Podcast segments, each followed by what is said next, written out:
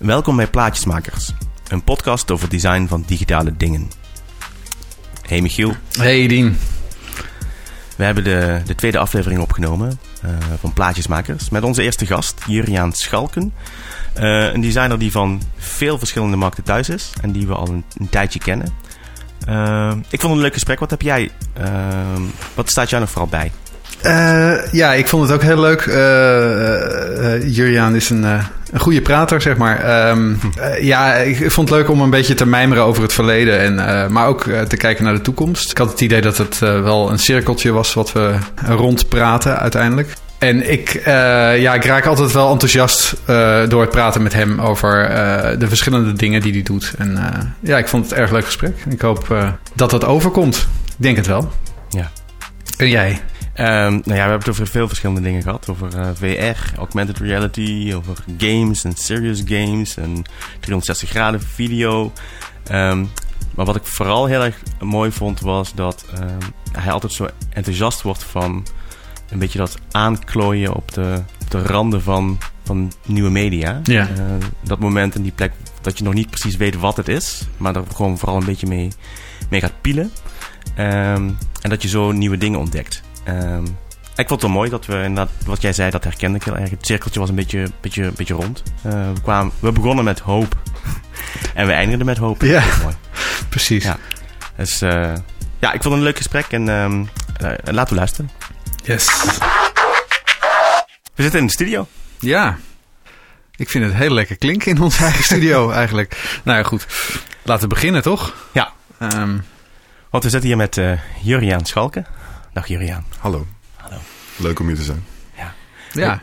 Juriaan is een oude bekende van ons. Tenminste, we gaan al een tijdje terug. Zeker. Ja. Want dat was de eerste keer dat we elkaar... Bij de Ontmoet- NPO, dat is echt al 10, 14 jaar geleden. Langer nog misschien. Zo lang geleden? Ik denk het wel. Wauw. Ja. Ja. Ja. Ja. Altijd een beetje gemengde We zien er nog een beetje hetzelfde uit. Ja, dat wel. doen we goed. Ja. maar eh, nee, dat klopt. Eh, dat was voor eh, werk voor omroep.nl, volgens Ja. mij. Uitzending gemist. Ja. eh, Omroep.nl. Ja. Nederland 1, 2 en 3.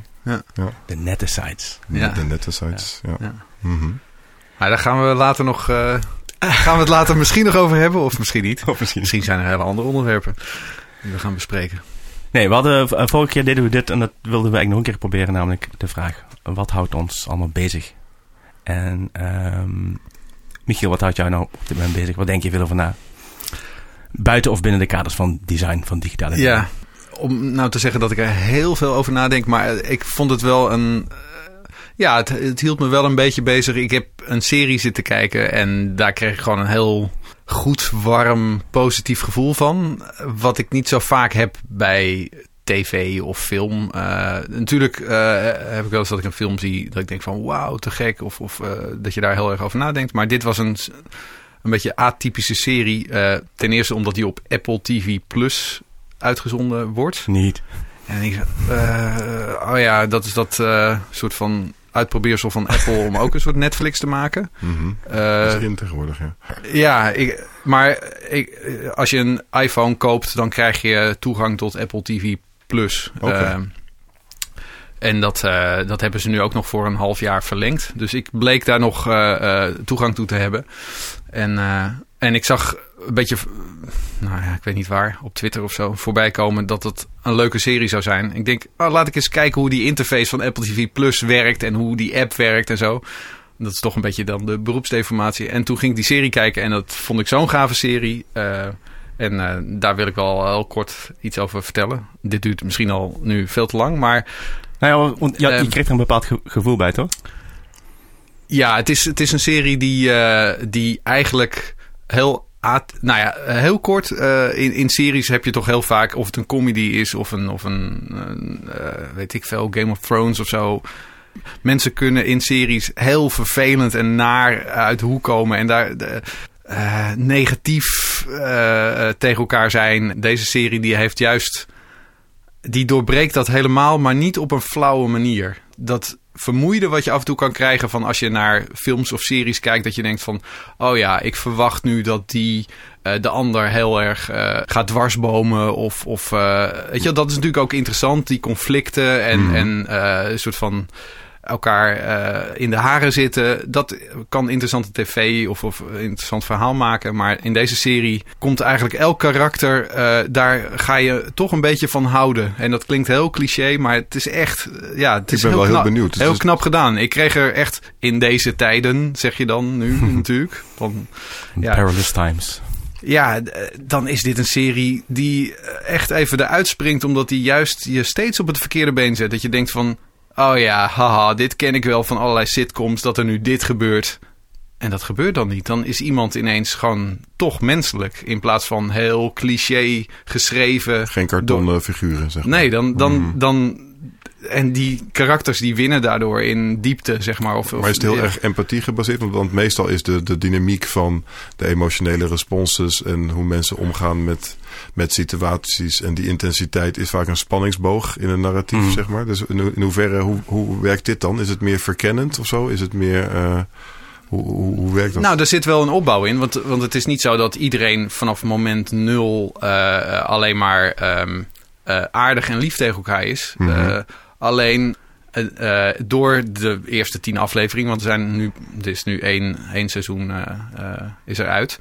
De, de stapjes die gezet worden in de loop van de afleveringen, die zorgen ervoor dat je ja, heel veel waardering krijgt voor karakters die in het begin heel typisch en clichématig soort van de bad guys, zeg maar, waren. Of de bad girls. Mhm.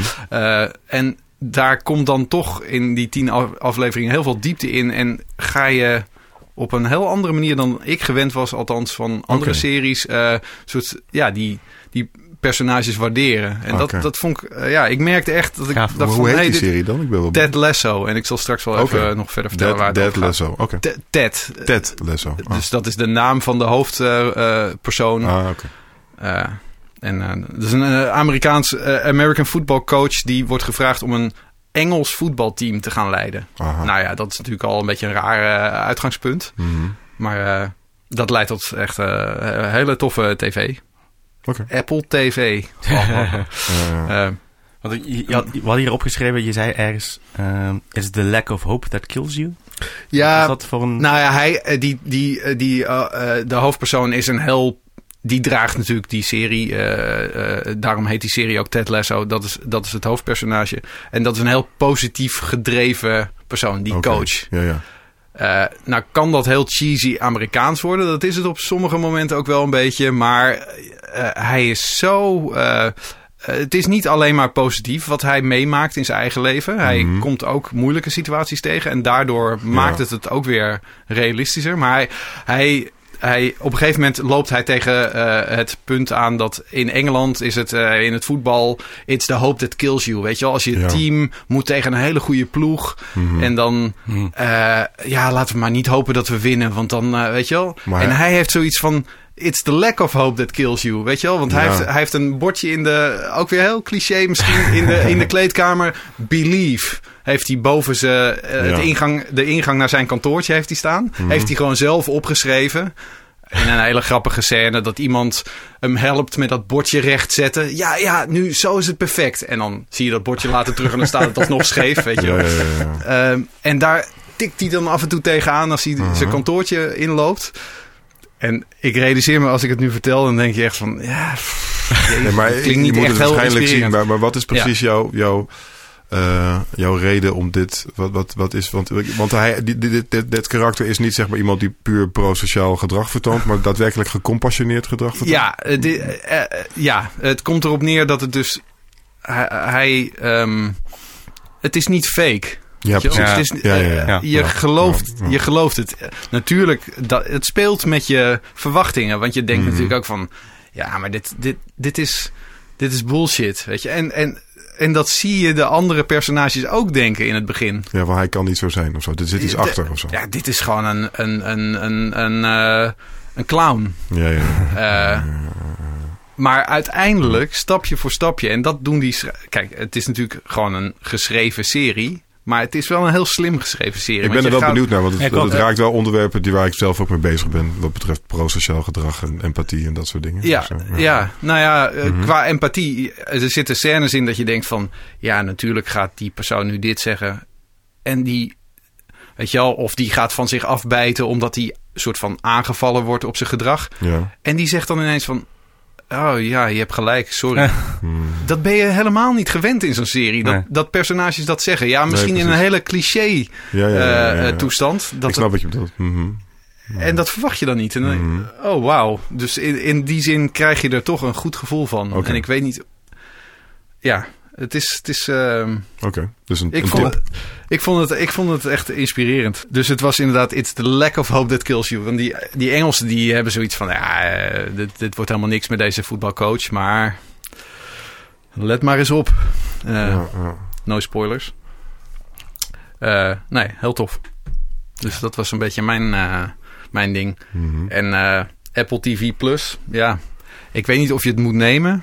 Maar eh, misschien vind je deze serie ook wel als die...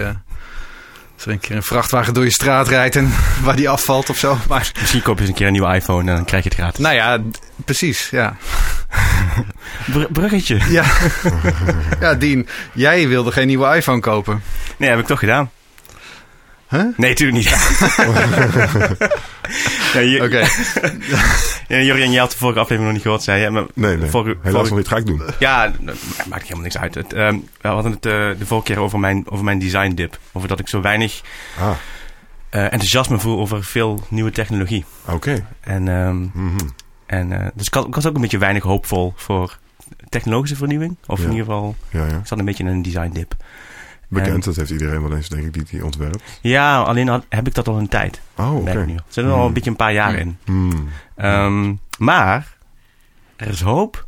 Oh ja? Ja, want de afgelopen weken, eh, dus dat was na, het- na het opnemen van die podcast, ehm, werd ik opeens heel erg enthousiast over een, een gadget. Om het Ah. maar zo te zeggen. De nieuwe iPhone.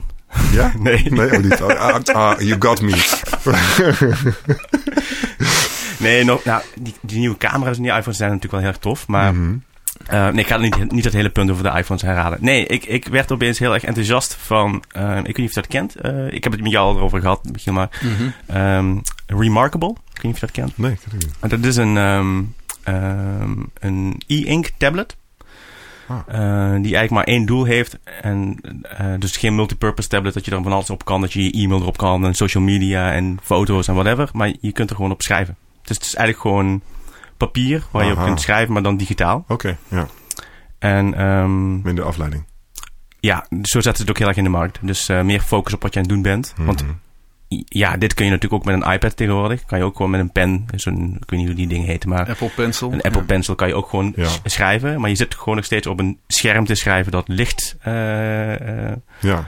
Licht heeft. Ehm, En allerlei notificaties. en allemaal eh. Ja, notificaties. en ook eh, richting mijn kinderen is het gewoon vooral een scherm waar ik naar tuur. En zij zien niet of ik iets aan het lezen ben of aan het schrijven. Of dat ik iets nutteloos aan het doen ben. Het is Mhm. echt wel iets anders dan, Ja, ja, ja. ehm, dan analoge dingen. Mhm. En dit is natuurlijk wel een, een, een gadget. Maar het, het, het schijnt ook echt een beetje te voelen als eh, papier. Ehm, en het maakt ook een beetje hetzelfde geluid. Oké. Eh, maar het is e-ink. Dus het is, Ja, ehm, ja, precies. Het gaat heel lang mee, de batterij. En het is een Ja, hij gaat geloof ik een week mee. Ehm, en het gat die voor mij vooral een beetje opvult is dat ik wat ik nu heb, is dat ik.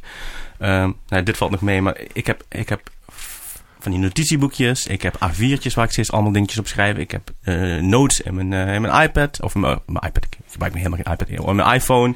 Ik heb Evernote. Ik heb Notion. En overal heb ik van allerlei gedachten en systeempjes die ik niet consequent toepas. Omdat soms Ja. heb ik een gedachte dat niet in een systeem past. Mhm. Zit ik nog gewoon een beetje na te denken. Ben ik nog allemaal een beetje het vormen. Zoals wat ik nu aan het vertellen ben. Dat heb ik ook nog niet echt helemaal uitgedacht. Mhm. Ehm, Ja. Maar papier is altijd voor mij, voor mij een soort Ja. go-to ding. Ik kan gewoon meteen opschrijven. Zonder na te hoeven denken over van... Verwoordt het eigenlijk wel wat ik wil verwoorden? Past het überhaupt in zinnen die onder elkaar getikt moeten worden? Of, ik- soms schrijf ik gewoon een woord op. Dan ben ik gewoon in gesprek. En dan zet ik Ja. een pijltje. Ben ik een beetje aan het doedelen. Of eh eh, zet ik ergens een rondje of cirkel om. Maar het is veel vrijer creatief, Het is hè? veel vrijer, ja. Ja. Alleen ja. dat, dat, doet- dat heeft papier nou, maar vervolgens belanden die blaadjes en die, en die aantekeningen die ik in die notitieboekjes heb, die belanden gewoon nergens. Of eh, Hmm. verdwijnen eigenlijk. Of, Ja. ik, of ik doe er niks meer Ja, mee. er zit geen ordening eh, in. Nee. Dat, En dat is nou een beetje mijn hoop. Aha. Nee, maar dat, ik, ik snap dat enthousiasme daarvoor. Vooral die, die, die focus. Ja. En, en, en ook het vrije van tekenen en op papier. Want ik schets het meeste ook op papier. Voordat ik achter de computer ga zitten. Want dat kan heel dwingend zijn. Maar ook juist Ja. afleidend zijn in Ja. wat je doet. En als het vrij is. En ja, gewoon meer je, je, je bra- brainstormachtige dingen kwijt. Ja. Ja. Snap ik. Dus ik heb hem eh, besteld en hij eh, komt begin december. En ik...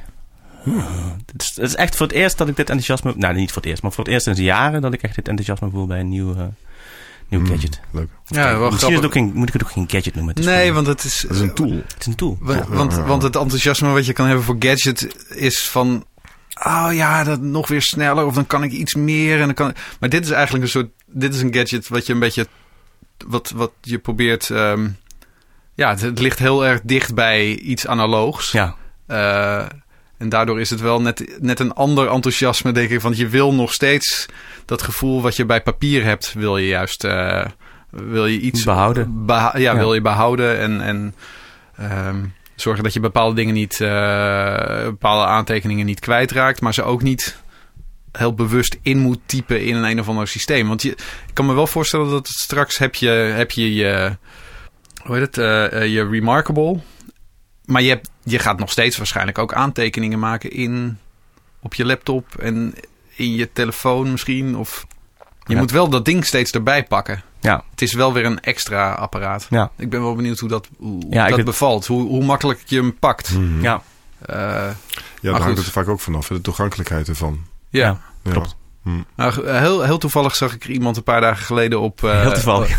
Nou ja, ja, ja, nee, het was echt toevallig. Want dat vind ik ook wel grappig. Ze zijn helemaal niet. eh, als je er nu een bestelt, eh, dan krijg je hem in januari. We, zi- we zitten nu in november. Ja. Als je er nu eentje bestelt, krijg je hem. in- of krijg je, dan, dan komt die in januari. Omdat ze gewoon niet zo. Ja, er is veel vraag naar. ja, klopt. En de productie is nog niet zo hoog. Eh, maar ik, ik, ik kwam iemand eh, tegen inderdaad en die had er een. eh, en toen heb ik er zelf ook heel even op geschreven. En het is echt een mooi apparaat. Heel, heel, heel mooi gemaakt. En het schrijven voelt inderdaad heel natuurlijk. Er zit een, heel klein beetje... Nee, doe doe nog niet. Nee, Oh, nee, nee, nee. Oké. Het is instant. Nou, we gaan, ik ben heel benieuwd. Als je hem hebt, dan gaan we het er nog even een keer over hebben. Ja. En dan, eh, dan heb jij de, de, de, de aantekeningen voor het opnemen van de podcast heb je gemaakt. Heb je Zeker. Remarkable. En dan, eh, Ja. ja. Nou, cool. En jij, Juriaan? En nu ik over de gadgets, over, over nieuwe tools of over Of, of de staat van de wereld. de staat van de wereld. Ehm, waar beginnen we? Ja. nou ja, ehm, ik ben nu bezig met. eh, ik heb heel lang gaan freelancen. En als freelancer doe je heel veel verschillende dingen. Dus, dus ik ben wel begonnen als interactieontwerper, zeg maar. En, en met, daar kwam op een gegeven moment fotografie bij kijken en videografie bij kijken. En ik heb altijd eh, veel verschillende klussen gedaan. Van televisie tot, tot internet tot, tot gaming. Mm. En eh, ik vind die combinatie van al die dingen altijd heel interessant. Dus dat je bijvoorbeeld video, interactiviteit en, en, en eh, ehm, verhalen vertellen en grafisch ontwerp en motion design combineert. Want die, in die breedte zit voor mij het spanningsveld Ja. en, en die combinatie van die elementen. Eh, dus ik ben niet, eh, eh, ik ben in sommige dingen wel gespecialiseerd, maar ik ben wat dat betreft een redelijke generalist. En eh, dat is ook, vind ik ook juist opdrachtgevers wel handig. Maar ik ben dus nu bijvoorbeeld bezig in lijn met nieuwe gadgets. eh, met een, net een GoPro gekocht die 360 graden eh, kan filmen. Hij staat hier. Deze, deze, hij staat hier. Ja. En eh, dit ga ik dus ook eh, als test, eh, deze podcast, eh, op YouTube zetten in 360. Zodat je rond kan kijken met informatielagen erover. Dus wat ik net vertelde, daar ga ik dit mee testen. En dit is een soort research en development dingetje dan. Dus, dus het is gewoon heel leuk om te doen. En ik denk, ik ga dat combineren hiermee. Dus hij staat hier in het midden. En dan kan je dus als kijker zelf rondkijken. En eh, aan de hand van wat wij vertellen. Dus je had het net over Apple TV en een, en, en een serie. Nou ja, dan kunnen we daar links van plaatsen of plaatjes van laten zien. Of als we projecten, eh, als we het over specifieke projecten hebben, kan ik daar screenshots van laten verschijnen. Ik kan ondertitels doen. Dus op die manier ben ik aan het kijken. En dat vind ik altijd heel interessant. We zitten natuurlijk heel erg in een, in een ontwikkeling van een medialandschap. Dus, dus media waren heel lang gewoon: oké, je hebt televisie, je hebt internet, je hebt radio. Eh, maar nu komt alles samen En er ontwikkelen telkens nieuwe submedia. Dus bijvoorbeeld virtual reality, augmented reality, combinaties van. Dus, Mhm. dus video en, en, en informatielagen. Gaming gaat weer samen met video. Gaat dus die dingen combineren. En we zitten in een soort continue ontwikkelingen van eh, ja, nieuwe media binnen de media. En ik vind het heel leuk om, om in dat terrein te vernieuwen. Juist om beter te communiceren of ja, informatie op een spannende, interessante manier te brengen. En, eh, en mijn nieuwste aanwinst is dan deze GoPro. En die ben ik nu aan het testen. eh, om te kijken wat ik daarmee kan doen. Ik ben bezig met 360 graden infographics. Ehm, en dat is gewoon weer- een totaal andere manier van verhalen vertellen, informatie tot je nemen. En het is heel erg immersief, maar aan de andere kant is het ook behoorlijk actief. Dus je kan niet een beetje, net zoals met een podcast, luister, kan je dat luisteren terwijl je iets anders doet Ja. Mhm. als je 360 graden dingen maakt, dan zit je er zo in. Maar je moet er ook echt mee bezig zijn. Dus bij de film kijk je passief. Maar met, met dit moet je ook echt deelnemen eraan en zelf dingen doen. En dat is, dat is een interessant spanningsveld zoals bij dit, waar je ook ontspannen wil luisteren. En in hoeverre, dat is iets wat ik ervaringsgewijs wil, wil checken. Ja, onderzoeken hoe, Ja. hoe, hoe dat werkt. Of mensen inderdaad eh, geneigd zijn om dan wat actiever met die inhoud Ja, te is is dat interacteren. in plaats van alleen te kijken naar een YouTube-filmpje. Want Pre- precies, ja. dit kan je dus op YouTube zetten. Daar kan je gewoon Ja. 360 graden. Klopt, video, je- eh, dat kan. Je kan eh. gewoon 360 graden in, eh, in volgens mij tot 8K inmiddels eh, uploaden. En eh, ja, dat, dat werkt heel leuk. Kan je in een brilletje doen. Je kan het ook gewoon met je mobiel doen. Dan moet je echt rondkijken. Maar dan moet je dus Ja. vaak wel gaan staan en echt rond gaan kijken. En dat ga je niet een uur lang doen met een podcast. Dus dat, dat weet ik al. Maar het is misschien wel geinig om het in een YouTube-venster bijvoorbeeld open te hebben staan. Zoals heel veel podcasts geluisterd worden. En dan ga je gewoon iets anders doen. Wij gaan misschien ontwerpen of dergelijke. En terwijl een podcast terwijl je een podcast luistert. Maar Mhm. af en toe als je dan iets interessants ziet of hoort, kan je er wel naartoe en dan even rondkijken en een linkje klikken. Van, oh, dit is interessante informatie. Ik wil nu deze informatie tot me Ja. nemen. Dus ja, dat, dat spanningsveld tussen actief en, en passief ehm, media tot je nemen. Maar ik, ik wil ook gewoon, dit is dan een testje, maar ik wil ook gewoon echt kijken hoe je dat kan gebruiken. Bijvoorbeeld interactieve video, waar ik een aantal projecten voor heb gedaan in de serious gaming hoek. Of ehm, weet je wel, hoe document, er zijn ook natuurlijk documentaires. Vaak heeft eh, ITVA ook interactieve Ja. documentaires en dat soort dingen. Dus ik vind het een heel leuk spanningsveld. Ik ben ook geïnteresseerd in games. Hoe je nieuwe manieren kan verzinnen om inhoud tot je te nemen. En eh, hoe je dat kan vormgeven. En er ontstaan ook weer nieuwe talen uit. Ja. Het, web heeft een eigen beeldtaal met iconen, bepaalde structuren, navigaties. En dat is redelijk uitgekristalliseerd. En dat is heel leuk. En ik maak ook regelmatig websites. Maar het spannende zit juist een beetje aan de rand Hm. aan de rand van wat er nog niet is of wat aan het ontstaan is of wat, wat nog gecombineerd kan Ja. worden. En dat heeft heel erg te maken met eh, technologische push. Zoals nu zijn er goede betaalbare 360 graden camera's. YouTube ondersteunt het. Je hebt headsets. Ja. Dus dan begint het een massamedium te worden. Eh, en te kijken hoe, ja, hoe je daar een beetje in kan innoveren. Dat vind ik altijd wel het, het meest spannend om te doen. Dan, dat, Ja. dat is zeg maar mijn enthousiasme Hm. mijn motivator.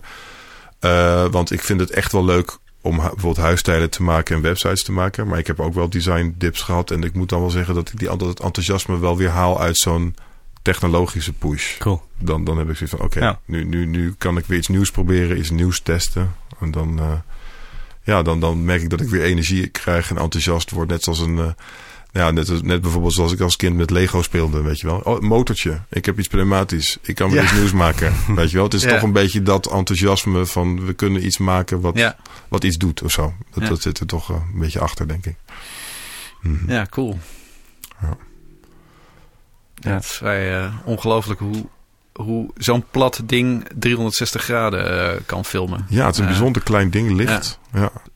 Hij ziet echt Eh, 360, hij ziet alles. Ja, Ja. ja. Ik maakte net wel het grapje dat er helemaal geen, geen lens op mij gericht staat. Dus dan ben ik niet te zien in het eh 360 graden film. Nee, hoe, ze, flauw. hoe ze dat doen. eh, Ja, hij kan een beetje om het hoekje kijken, want Ja. er zit een camera tussen. Ik hoop het. Maar twee lenzen. Ja, ja, precies. Ja, ik heb het getest en het, eh, het is echt... eh, Ja. Ja.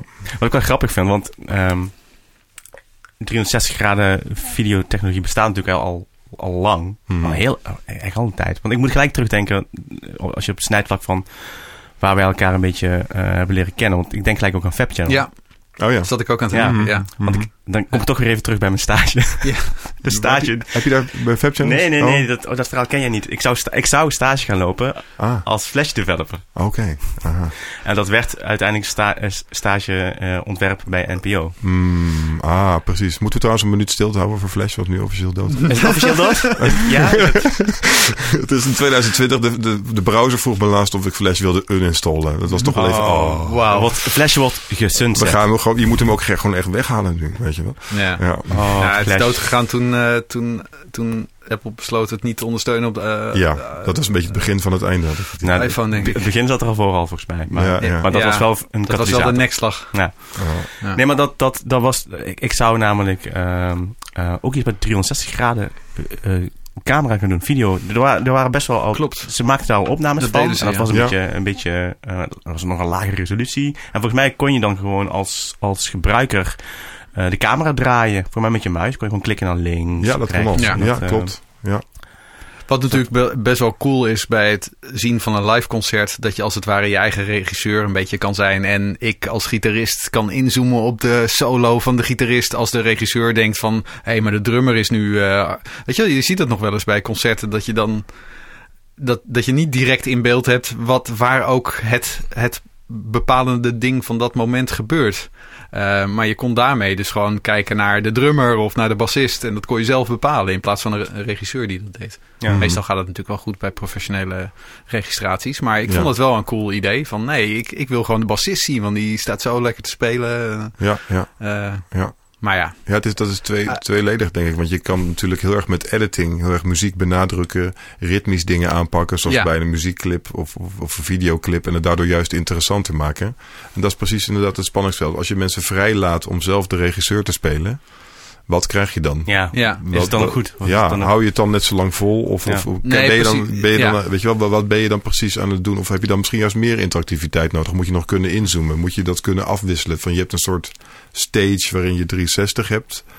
En heb je misschien nog extra camera's zodat je een close-up kan krijgen? Want met 360 is alles best wel ver weg. Hmm. Dus een enorme fisheye, waardoor dingen ver Ja. meer verder weg staan. En de dingen die dichtbij zijn, zijn heel groot. Dus wellicht wil je dan toch in kunnen zoomen op een drummer.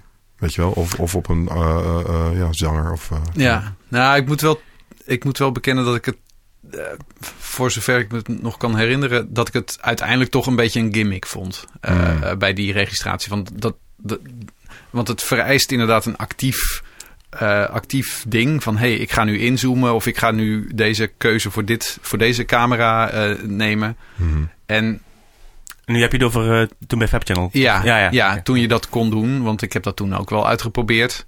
ja. En ik had het idee van, oh ja, dat is cool, want dan kan ik de hele tijd de gitarist zien in plaats van eh, de zanger of zo. ja. Maar uiteindelijk, of je dat dan eh, een heel concert volhoudt, ik denk, voor mij was dat toen niet zo. Ik, volgens mij Nee. heb ik, sch- schakel je dan liever toch weer over naar het, ja. naar de registratie die voor je gemaakt wordt door. ja, ik denk eh, dat in veel gevallen nu met muziek en dergelijke toch wel prettig is. Ja. En toch heb je die, die experimenten, denk ik, en dat haakt een beetje aan op wat jij zegt, voor mij wel een beetje nodig Ja. om tot, je, je Ja. weet ergens misschien wel dat dat zo is. En Mhm. dat je het dan toch gaat doen, dan toch gaat proberen. Ja, ja, ik, moet, zeker. ik moet gelijk denken Ja. aan New York Times had ook een tijdje van die, van die, echt van die storytelling, eh, eh, van die verhaal, interactieve verhalen met 360 graden video, ik weet niet of je Mhm. ze kent. ja, ja, zeker. Ik heb er een paar gezien. Ja, Mhm. en, en ik, ik weet nog dat ik dat, ehm, dat ik dat toen probeerde. Ik dacht, oh, gaaf dat dit kan. En gaaf dat ze ook aan het uitproberen zijn met nieuwe vertelvormen. Precies. Terwijl je toch eigenlijk al de beperkingen zag. Maar Ja. je moet daar een beetje doorheen. Je moet, dat, om- je moet dat doen, want zo ontstaat er op een gegeven moment een taal en een, en een, en een, ja, dus een nieuw medium of een nieuwe manier van communiceren die dan wel werkt. En je moet door trial and error heen. Je Ja. moet, je moet nou ja, zeg maar fouten maken. Ik weet niet of dat fouten zijn, maar het, het is natuurlijk in eerste instantie nieuw en daardoor al spannend. Dat je rond kan kijken. En Ja. maar is de content ook echt beter zo? En dat gaat dan blijken door experimenten en Ja. ook bijvoorbeeld door, moet je de camera stilzetten, moet je bewegen, wil je dat de gebruiker laten doen, wil je het interactief hebben, eh, weet je wel, de, de weer de balans passief kijken, actief interacteren. En dat moet gewoon blijken, juist door al die experimenten die Ja. elkaar weer beïnvloeden, waardoor er op een gegeven moment iets ontstaat waarvan mensen denken, oké, dit werkt. Ja. Weet je wel, dit, nu, dit is leuk om naar te kijken. Of, of misschien werkt het alleen juist wel voor shorts. Dus interactieve shorts. Ja. Misschien wil je het niet een, een, een, eh, een uur lang doen. Mhm. Maar wil je het wel een paar minuten doen. Dus ik denk dat het heel erg afhangt van het type content en, eh, en ook hoe lang je dat kan doen, Ja. zeg maar. Ja, ja. Ja. Ja, ik vind het, op, eh, het idee dat je eh, er nog meer in zit in het verhaal dat verteld Ja. wordt door een journalist. Of, eh, en dat je er misschien ook iets meer moeite voor moet doen. Dat spreekt me op zich ook wel weer aan. Ja. Dat je niet zo, weet je wel, eh, het moet natuurlijk nu kort zijn. Het moet eh, in, in soundbites, korte filmpjes eh, Ja. eh, en, en niet te veel moeite doen. Mhm. En dit soort eh, meer immersive eh, eh, eh, ja, eh, manieren van content tot je nemen, zou, ja, ik, ik, dat spreekt me op zich wel aan. Alle- alhoewel ik mezelf ook dan tegenkom. Omdat Mhm. ik dan denk van, hmm, hier heb ik dan niet zo'n zin in om Ja. hier, weet je? Nee, Wat wordt dat wat wordt van me spanningsveld- verwacht? Maar Ja. dat is goede informatie voor jezelf, om, weet je, om daar inderdaad ook als maker realistisch in te zijn. Als je dat maakt, van oké, maar dit, dit is technisch leuk, maar dit, dit ga ik zelf eigenlijk helemaal niet. Nee, maar ik vind dat dus ook iets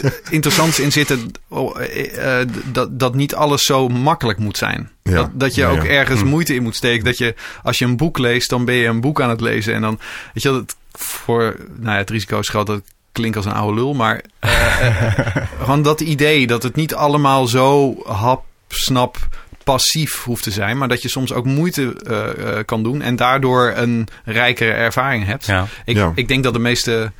Dat dat voor het grote publiek. eh, is dat misschien nog niet zo'n. ehm, goede business case, zeg maar. Eh, Nee. Nou ja, maar Eh, daarom is denk maar- ik, met, met, daar, daar ligt wel een link met bijvoorbeeld gaming, waarin de uitdaging is dat het juist moeilijk is. En dus het, het zou voor bepaalde game, interessant. game-achtige, interactieve videogame-achtige, of juist, weet je wel, in het verlengde van misschien point-and-click-achtige adventures, wat je vroeger had, dat, dat of voor educatieve content, educatieve games, ik denk dat het zich daar heel goed voor leent. Ja. De, dus echt, echt entertainment, zoals muziek en films, wat je graag wel passief, want omdat de regisseur een heel concreet verhaal heeft te vertellen, Ja. waarin regie heel erg de emoties en de lading en de narratie bepaalt. Als je dat loslaat en het is meer een soort speeldoos waarin je zelf kan verkennen en zelf een verhaal opbouwt of zelf de volgorde bepaalt of waar je de diepte in gaat en hoe. Dus dat, ik denk dat het in die hoek misschien meer effectief is. Ja. Ja. Heb jij... ehm, Sorry, ik ga even naar, ik ga even naar Zelda. Oh ja, Zelda. Heb je Breath of the Wild? al- Het is altijd goed om naar Zelda te gaan. Nee, maar dan moet ik even aan denken. Heb, jij, heb, je, heb jij Breath of the Wild gespeeld? Ik heb het niet gespeeld, maar ik ben wel natuurlijk heel erg bekend met Zelda. Maar ik heb die nog niet gespeeld. Ja, nou ja, want Zelda is zo, echt zo'n voorbeeld van een narratief dat gewoon super lineair is. Ja. En, en Breath of the Wild heeft ook gewoon een lineair narratief. Ja, Maar wat, nou, wat ik vooral uit dat spel heb gehaald is precies dat. Dat eigenlijk dat ik binnen dat, binnen die, dat verhaal dat verteld werd, wat een typisch Zelda-verhaal is en eigenlijk Mhm. niet zo heel bijzonder is, ja. eh, dat dat eigenlijk wat meer aan de achtergrond eh, geplaatst werd. Ja, ja. En dat eigenlijk jouw eigen ontdekkingstocht door die wereld, de Mhm. eerste keer dat je ergens komt, iets wat je toevallig ontdekt, dat je. Dus dat, er zitten allemaal mechanics in dat spel Mhm. ehm, eh, die je heel veel vrijheid geven om dingen te doen op manieren die. Waarvan je niet gedacht had dat ze zouden kunnen werken, want je zit in een spelomgeving en toch blijken ze dan te werken. ja leuk Ze dat. spelen dus echt Ja. met elementen als eh, vuur en, eh, en, en elektriciteit. En dat je En sommige. Ja. sommige dingen kunt oplossen. eh, gewoon echt op je eigen manier. Ja. Dus zonder dat je bezig bent van... Oh, maar dit is een spel. Dat gaat volgens deze mechanic. Dus dit zal wel ja, niet precies. Als je oh, het dit kan trucje weet, dan, dan kan je... Ja, precies. Maar dat is volgens mij ook precies wat ik laatst ook weer las. wat de, de, de originele bedenker Miyamoto...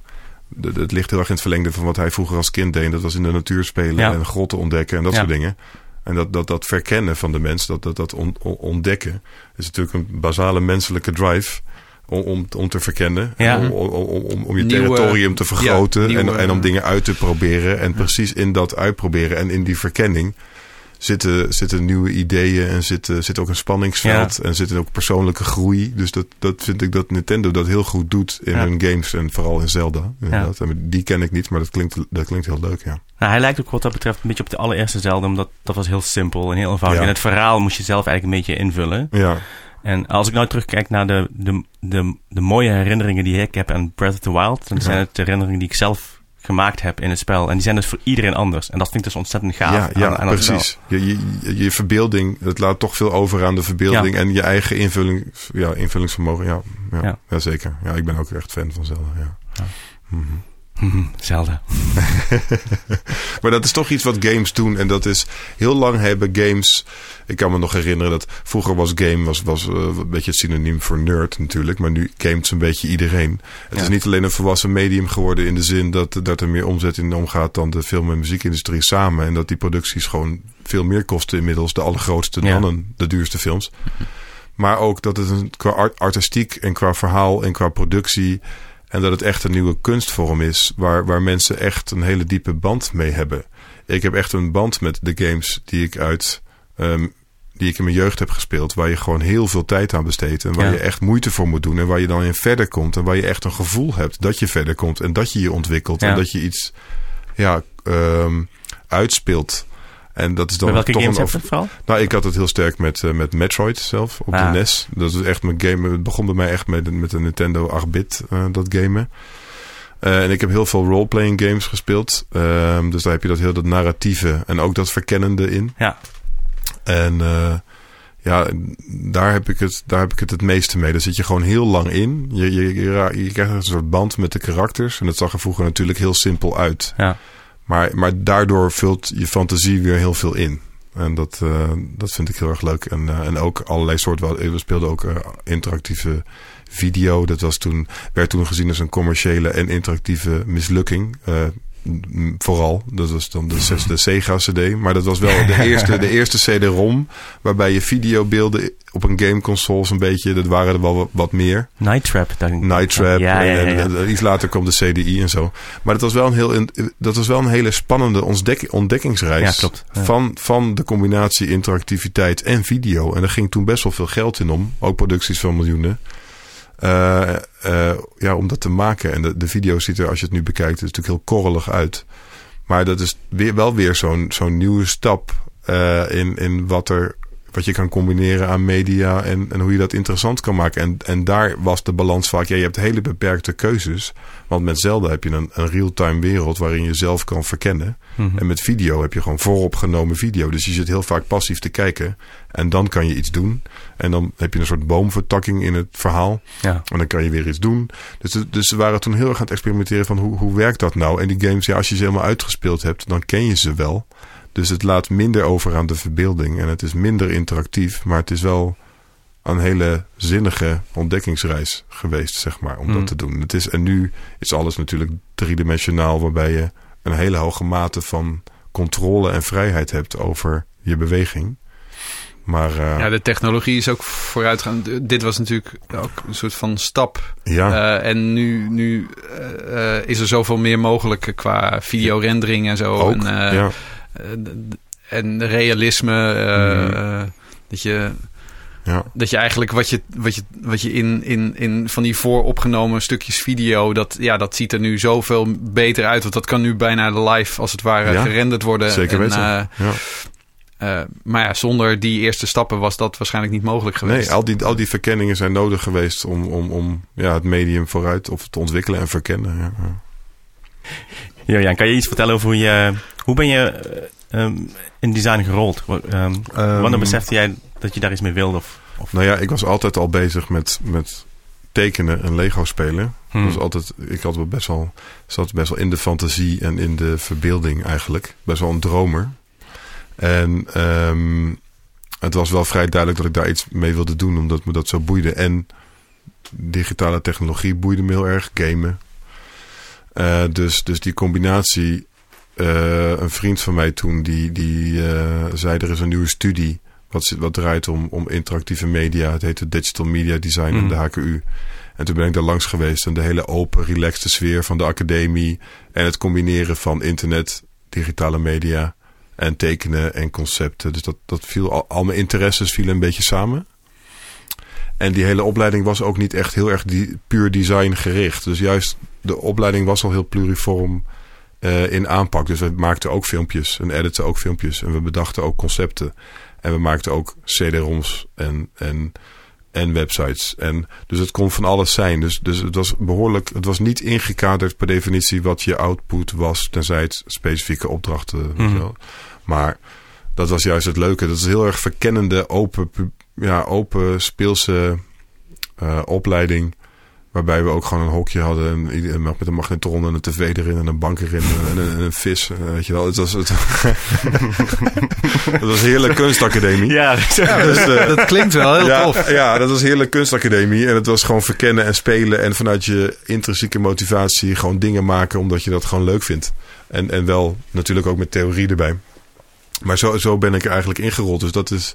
Eigenlijk heb ik die mentaliteit altijd vastgehouden. Dus dat, dat. En ik heb daarom ook nooit eh, heel erg lang op één plek kunnen zitten. waarin je een hele specifieke rol krijgt.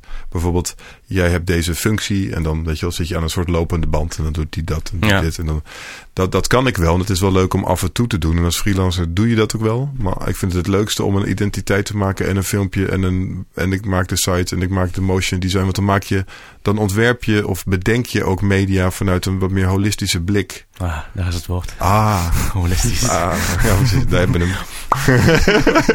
Mic drop. We droppen hem even. Precies. Nee, maar dat is wel, wel Ja. eh, mooi om te horen dat dat gewoon meteen al bij die opleiding, dat, dat dat soort van basis daarvoor ook was. Dat je van alles daar kon doen Ja. eh, en dat alles aan bod kwam. En Ja. dan moet je natuurlijk nog steeds wel daar ook zelf je in ontwikkelen. Maar, eh, Ja. En eh, een zin hebben om op al die vlakken ook Ja. eh, je te ontwikkelen. Maar dat- Sommige mensen die, die trekken heel erg naar één ding. Tuurlijk, maar dat is ook goed. Maar specialisten heb je ook Ja. zeker nodig. Daar is ook helemaal niks mis mee. Ik bedoel, je hebt gewoon supergoeie developers nodig om heel goed dingen te kunnen. Ik ben geen goede developer. Ik, ik kan wel dingen in elkaar zetten. Maar ik werk juist ook natuurlijk heel graag samen met goede developers die dingen nog veel beter kunnen maken. Dus het is heel fijn om als generalist te functioneren in een team van superspecialisten. Waar, weet je wel, de- daarom is een art director rol of dat soort dingen kan goed werken. Waarbij je wel die specialisme snapt Ja, maar toch daar, daar een richting in hebt. En eh, d- d- het is ook, ik denk dat die combinatie heel, heel zinnig is. En, en vaak wordt het ook ge, gestuurd eigenlijk door, ehm, nou ja, door de opdrachten. Er wordt op mij ook gewoon vaak gevraagd, werd me vaak gevraagd van, ja, kan je dit, wil je dit? Eh, aan de hand van wat ik maak zijn mensen geïnteresseerd en mijn portfolio heeft gewoon goed gefunctioneerd om opdrachten te krijgen. Dus vorig werk stimuleert nieuw werk. Hm. Ja. En ook eigen vrij werk, wat ik gewoon leuk vind, stimuleert weer. Ah, je kan dit, dus dan huren we je daarvoor in. ja. Of kan je dit? Weet je wel? Je, Ja. ja, ik, ik, ik, ik, dan doe ik soms. De, de eerste game die ik had gemaakt, dat was Underground Reporter Darfur. Dat was een flash game.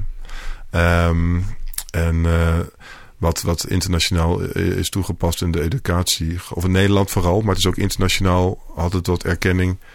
Eh, en het was, dat was een soort point-and-click adventure met video en met fotografie. Heel erg Ja. geïnspireerd door de games die ik natuurlijk gespeeld heb. En, eh, en ja, dat was ook gewoon, oké, wat is het principe van een game? Want ik ben geen echte developer. Maar hoe, wat is het principe van de game die we willen maken? Dat, is, dat was een narratieve game. Dus eigenlijk is het principe van zo'n point-and-click adventure, zo'n zo, zo'n zoekspelletje. eh, wat is vaak, nou ja, je moet iets doen om weer verder te kunnen go- komen in de game. Dus je moet een sleutel vinden, of je met, moet met iemand praten voor informatie, of je moet een item hebben, of je moet genoeg geld hebben. Dus dat, dat is heel vaak. Het is een vrij simpele if-else. eh, dus, dus eh, weet je wel, eh, ehm, principe van je, je moet dit doen om weer verder te kunnen daar. En, Mhm. en daar kan je een gigantische complexiteit opbouwen. Want programmeren is natuurlijk bazaal gezien een soort van if-else opeenstapeling. Dus dan, dan, dan oh sorry, sorry, sorry, oh oh. Developers Nee, nee, er developers die meeluisteren. Ja, nee, nee, sorry, sorry. Nee, sorry, developers. Kijk, ik ben dus een hack, maar goed. maar op basis van dit, dat principe heb, heb ik dus best wel... ehm, het developen is natuurlijk veel complexer dan dat, maar weet ik, weet ik. Oké, sorry, sorry. Maar, maar, maar op, op basis van dat principe heb ik toch een best wel complexe game kunnen bouwen. In Flash, omdat die technologie, en dat sprak me juist aan uh, uh, van Flash, is dat uh, Flash video en, en, en tekst en vormgeving en animatie en interactiviteit combineerde. Dus Ja. ik was heel blij met Flash. Waarmee, Ja. je, waarmee ik als niet geschoolde programmeur wel ActionScript leerde en, en, en, en dingen aan de praat kreeg. En ook natuurlijk HTML en dat soort dingen. Maar waarmee ik gewoon alles in één pakket kon doen. Wat overal toen op zichtbaar was. En ook er gelijk uitzag. Dus het werkte op elk platform. Het werkte in elke browser. ja. Dus heel lang. Ik denk wel dat was super krachtig. Het was super krachtig Ja. en het heeft wel het web heel rijk gemaakt. En zelfs YouTube draaide er een tijd op. Dus het heeft wel het web echt multimediaal gemaakt. En het was voor mij. En het was heel leuk om een games in te maken. En nog steeds zijn er, zijn er heel veel game platforms die dus binnenkort allemaal over moeten. Of weet je wel, het is nu waarschijnlijk, de grote zijn allemaal over op andere technologie. Alleen, het heeft toch wel voor een behoorlijke creatieve push gezorgd. En, uh, en op die manier kon ik ook alles combineren wat ik leuk vind om te doen. En ook professioneel kon toepassen met het maken van zo'n game. Dus ja, ja, ergens vind ik het toch wel jammer dat, dat, dat er niet, nu niet zoiets is. Ja, er is je hebt bijvoorbeeld Unity om games te maken. Ja. Dus daarin uh, kan dat natuurlijk ook. En dat is veel geavanceerder en vrij specifiek gericht op games. Maar uh, ja. Ja, daar uh, zou je dan bijvoorbeeld zo'n game in kunnen maken. En die zou je kunnen distribueren als app op, uh, op, uh, Ja. op je. op je mobiel. Of, uh, ja, op Android en iOS. Ja. Maar het, het, het is toch net iets grotere stap misschien dan ja. dat je in je browser iets. Ja, het is wel sowieso technisch complexer 3D en het niveau van programmeren. Dus je hebt wel, wil je het echt goed doen, dan heb je wel een developer. Ik zit eraan te denken om 360 content in Unity te doen. En om de basics te leren, denk dat ik wel een end kom. Maar wil je echt een game engine, of oh, dat, dat heeft een eigen engine, maar om echt games te maken met geavanceerde interactiviteit, dan moet je toch wel met developers samenwerken die daarin gespecialiseerd zijn. Ja. Ik, ik vind het wel gaaf dat... Nou ja, ik heb dat tegen Michiel eens vaker gezegd, maar nooit direct tegen jou. Ja. Maar hoe jij je in, in onderwerpen kon, kunt storten. Ja. En je zegt zelf dat je generalist bent, dus dat heb ik het ook altijd gevoeld. Ja. Ehm, maar ik vind het ook heel bijzonder, want ik heb het idee dat je, jouw soort, als ik het even zo mag noemen, ja, ja, ja. Nee, omdat dat Ja. een beetje aan het uitsterven is. Oh, dat, echt waar? Dat, Ja? dat, dat, dat er Mm. steeds meer specialisme ook gevraagd wordt. Nou ja, ja. En dat, dat, Klopt, eh, dat ik het idee heb dat 15 jaar geleden was het veel normaler om een beetje hierin te dabbelen en een beetje daarin te klooien en een beetje te, te prutsen daar en een Ja. beetje zoeken wat alles is en Ja. het allemaal een beetje met elkaar te verbinden. Precies, ja. En dat er nou gewoon geen tijd of geld is. Om dat, om Maar dat heb ik ook gemerkt hoor. Dat heb ik, kijk, het- omdat het web zo enorm gespecialiseerd is. En toen het net, weet je wel, eerst was het puur voor developers, programmeurs maakten het web. En Ja. toen kwamen er vormgevers bij kijken. En toen gingen, weet je wel, videomakers zich ermee bemoeien. En toen werd het steeds meer. En dat heeft toch wel geleid tot en standaardisatie qua vorm en inhoud. Hmm. Maar ook ja, standaardisatie van het proces. En toen werd het voor mij wel saai. Ja, dat En snap dan, ik. dan ja. ga je dus, als je dus ergens vast een dienst wil, dan ben je een heel specifiek eh, poppetje in een vrij groot proces. En, eh, en dat betekent ook dat je gewoon wat meer, dat je wat minder aan die rand van de innovatie kan zitten.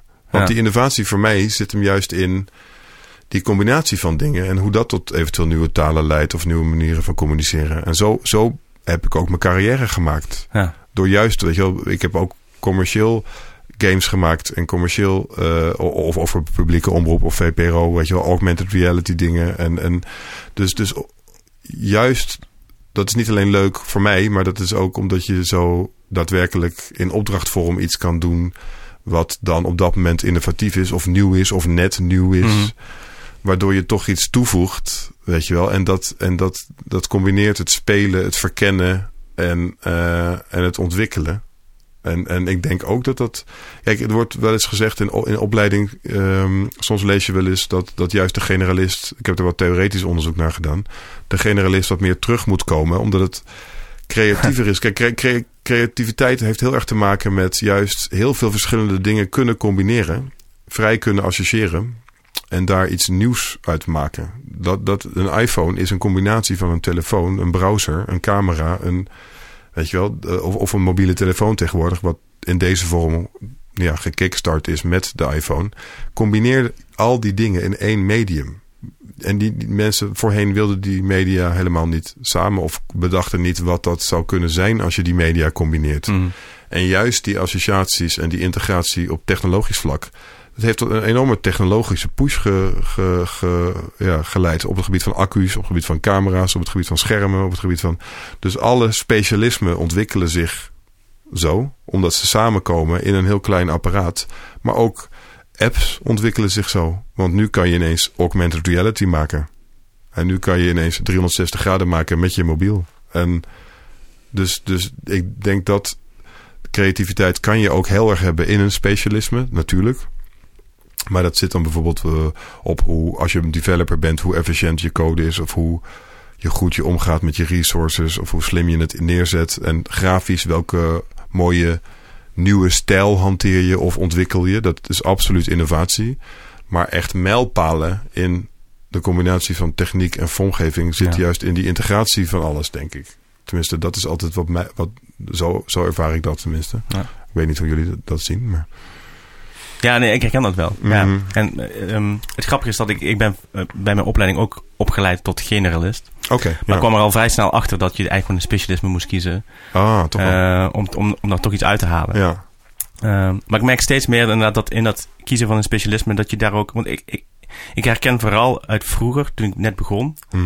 eh, dat, dat enthousiasme van het internet en wat het zou kunnen worden en dat je het nog niet helemaal wist. Weet je wel? Ja. Ja. Alles was nog één grote speeltuin en we deden ook maar wat. We hadden geen idee. Nee, nee, nee. Nou, en, en opdrachtgevers deden daarbij Ja. mee ook maar wat. Of die waren in ieder geval geïnteresseerd in het Ja. medium en wilden ook gewoon dingen uitproberen. Maar en dat is zeker bij bij de enthousiasme in, hè, bij iedereen. Ja. Van, van, oh, we zijn nu met iets nieuws bezig en dit is, we, zijn nu echt... Maar dat was toch ook bij ons zo bij de NP NPO, want we hebben toch samen, weet je wel, met heel veel meer andere, andere mensen. Maar het leuke daaraan vond ik juist dat we, de, dat we daarvoor, wat kan me ook nog herinneren, was de NPO-website, was een soort vouw, Ja, vouwschermpje met Ja, een logo's. kaart. Klopt. En dat Ja. was hem. De omroep, omroepenkaart. Omroep.nl. De klapkaart. De, klap, de de, klap- klapkaart, de dat was klapkaart, ja. De, over horseless carriage syndroom gesproken. Maar op, maar op een gegeven moment, weet je wel, nu, nu, nu, nu... En het was gewoon leuk, want iedereen daar... En William en iedereen had daar de, in- de, de weet je wel, willen de NPO op de kaart zetten. Het medium verkennen. En weet je wel, dat was het spannende eraan. En dat het ook aansloeg, Ja. maakte het een hele leuke, spannende tijd. Ja. En het was ook, uitzending gemist was, was eh, video on demand een jaar voordat YouTube bestond. Ja, dat Ja. bestond gewoon nog niet. Ja. hè? bestond gewoon nog niet, Nee. weet je wel. En dat is voor, voor iedereen nu normaal. Maar Wauw, dat realiseerde ik me eigenlijk niet. Niet? Inderdaad. Ja, Nee. dat heb ik op een gegeven moment opgezocht. Oké. Ja, je hebt gelijk. Ja. Maar- Ja, Nou, Ja. smalband, breedband. ja, inderdaad. ja, ja, ja, ja, ja. Ja. Hey, zijn, er, Ja. zijn er projecten waar je, als je terugkijkt eh, naar projecten die je hebt gedaan, waar je echt super trots op, op bent, of waar je iets over zou willen vertellen? Ik, ik heb er zelf eentje in mijn hoofd waar ik, waar ik altijd wel heel erg, eh, nou ja, waar je Mhm. misschien iets over zou kunnen vertellen. Misschien, Ja. wat, wat vind jij zelf heel erg? Nou ja, kijk, ik ben altijd wel gewoon eh, trots geweest op het feit dat ik lang voor de VPRO heb gewerkt. In stel 16, 17 jaar. Ik heb nu weer een relatief klein klusje gedaan. Maar het is gewoon heel leuk om... Ik denk dat... Het, is, het geeft A, gewoon een hele grote kick om je dingen op televisie te zien, zeg maar. Want Ja. dat, is, dat is toch iets heel bijzonders. Het is toch een magisch medium. Heel veel mensen kijken dat tegelijkertijd. En eh, ik denk dat ik daarin toch het meest trots ben dat toen ik gevraagd werd, eh, toen ik een jaar afgestudeerd was voor tegenlicht, wat toen nog niet zo heette, Ja. om, om de tegenlichtlieder te maken. En ik word, word daar altijd het meest op aangesproken. Dat snap ik ook wel. Ja. En dat, dat heeft ook wel tot veel werk geleid en veel bekendheid en ook publicaties, ook internationaal. En dat, dat, ja, dat, dat was, dat nu is de leader geüpdate, maar ik heb dat, eh, eh, die leader is 16 jaar lang, hij ligt nog wel een beetje in het verlengde, maar het is nu, nu Wel anders geworden. anders geworden. Oh. Maar, maar het, het is wel 16 jaar lang min of meer die leader geweest die op televisie is geweest. En ook andere grote klussen. En het leuke van die klussen was ook... Dat begon echt als leader. En ik heb de eerste leader in Flash gemaakt. yes. Even, Eh, even een moment stilte. Ja, ja, precies. en eh, en eh, nou ja, bijvoorbeeld ook bijvoorbeeld voor programma's als Nederland van Boven. En ehm, daar deed ik de, de, de huisstijl. De, dus die hebt natuurlijk de VPRO overkoepelende stijl. Die, Ja. die op een gegeven moment geüpdate is met Tonic, waar ik Tonic, toen mee ja. samen heb gewerkt. Maar da daar kwam ook grafische vormgeving bij kijken. Je maakte toch de huisstijl van een programma. Wat dan weer valt onder de VPRO-stijl. Dus het moet gerelateerd zijn aan die overkoepelende stijl. En daarbinnen heb je wel een vrijheid, want ze hebben een hele mooie dynamic identity ontworpen, waarmee je heel veel kant op kant wel toch herkenbaar blijft. Ehm, en ja, en, je doet motion design, grafisch ontwerp, je doet campagnes, je doet online promo's. Ik heb ook timelapses gemaakt. Ik heb de leader, eh, eh, eh, weet je wel, gedaan. En, en natuurlijk samen met veel mensen en editors en de regisseur die dat, weet je wel, die, die, dat is dan de eindbaas natuurlijk. Maar de, de, de, het, is, het is gewoon een heel mooi breed project. En het was bijvoorbeeld de, de, de, dat is gewoon heel spannend, want de, eerste uitzending hebben we dan met de hele redactie bekeken in ehm, pakhuis De Zwijger. En dan is het voor het eerst op televisie. En dan stond er een gigantisch scherm met daarop de eerste uitzending en een Twitter feed. En nou ja, er kom- komt alles langs wat, wat je allemaal samen hebt gemaakt. Kijk, het leuke is dat je het samen maakt. Mm. En dat alles samenkomt. Want ik maak natuurlijk eigenlijk de hoes. Dus ik maak de huisstijl en ik maak de leader. En ik maak, weet je wel, dus, dus dat is een soort van eh, de, de herkenbaarheid van het programma. Je probeert de essentie van een programma te vangen in beeld. En er hingen op, eh, op alle stations in Nederland hingen postercampagnes die ik had eh, ontworpen met de communicatieafdeling. En, En als het dan blijkt dat, dat gemiddeld mens, een miljoen mensen daarnaar kijken.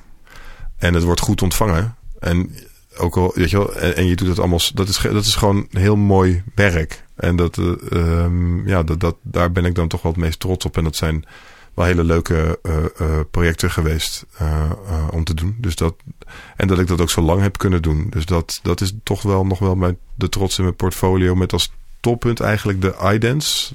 Dus dat voor en na elk televisieprogramma jouw iDance te zien zijn. Ja. Met, Ja. de, met de bekende VPRO-riedel.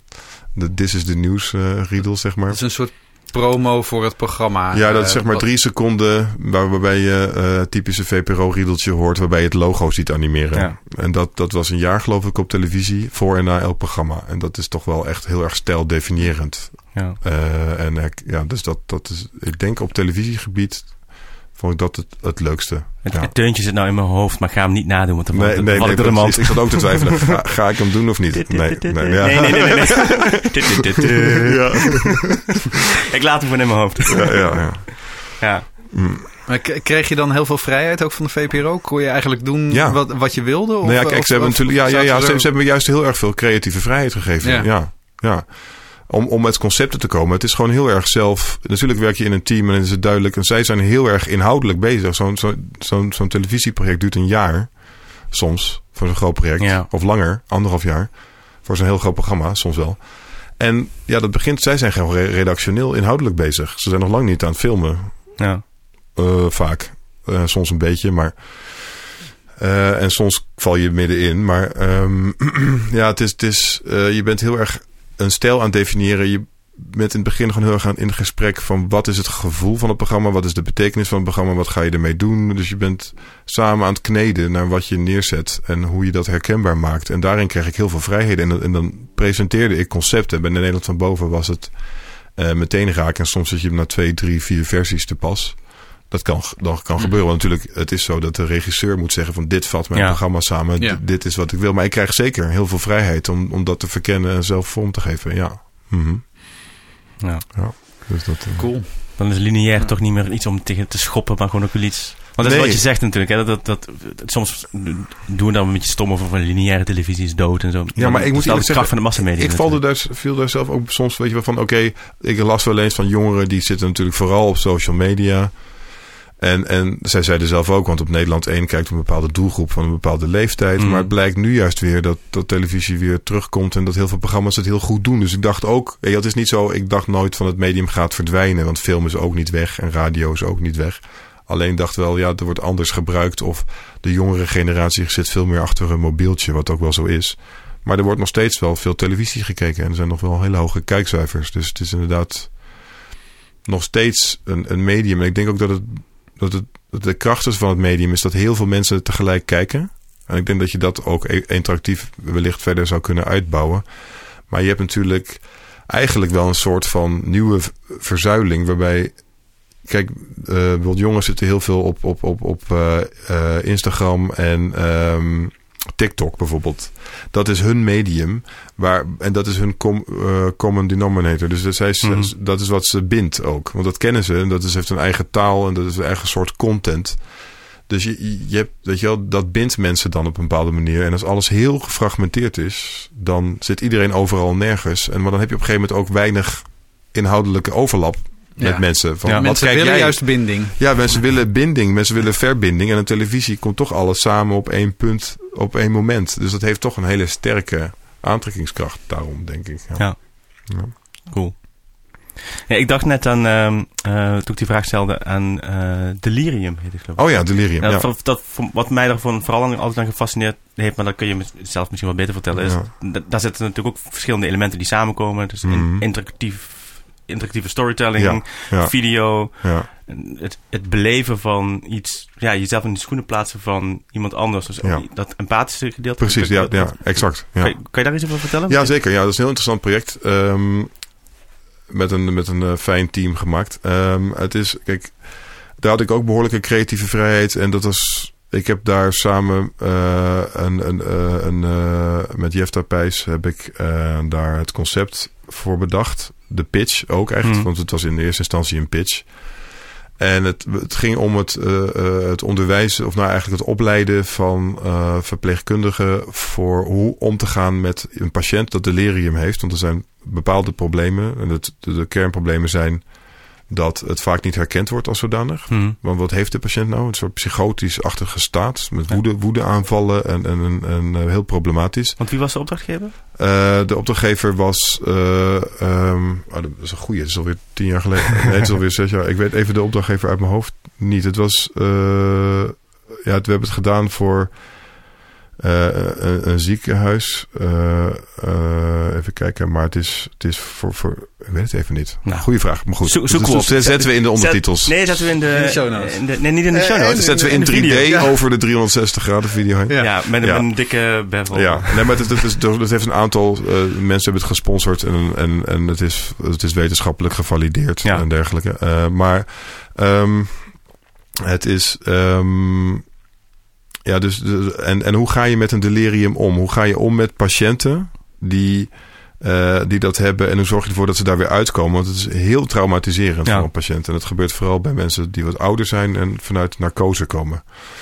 Dus uh, ja, de intentie om die pitch zo vorm te geven dat je het vanuit het perspectief van de uh, uh, patiënt ziet, maar ook vanuit de verpleegkundige, is omdat juist het probleem was dat mensen zich niet kunnen verplaatsen Ja. in de patiënt. Dus mensen vinden het onderwerp niet zo interessant in educatieve zin, uh, en maar ook mensen uh, ja, snapten niet wat ze precies meemaakten. En aan de hand van getuigenverklarissen en getuigen van, van ervarings, mensen die dat hebben ervaren, uh, wat best wel wat, weet je wel, inhoud was en, en, en wat, wat mensen als traumatisch hebben ervaren, hebben we visualisaties gemaakt die, die vanuit het perspectief van de patiënt, zodat je letterlijk in bed ligt en uh, surrealistische dingen meemaakt die een deliriumpatiënt ook meemaakt. En dan uh, ervaar je dat eerste persoon en dan heb je dus, net als in een game, sterkere identificatie met uh, de patiënt. Mhm. En ook omdat je het soort van first person meemaakt, ja, kan je veel beter empathiseren met uh, wat je wat zo iemand meemaakt. Omdat Ja. je een, een bepaalde emotionele ervaring oproept.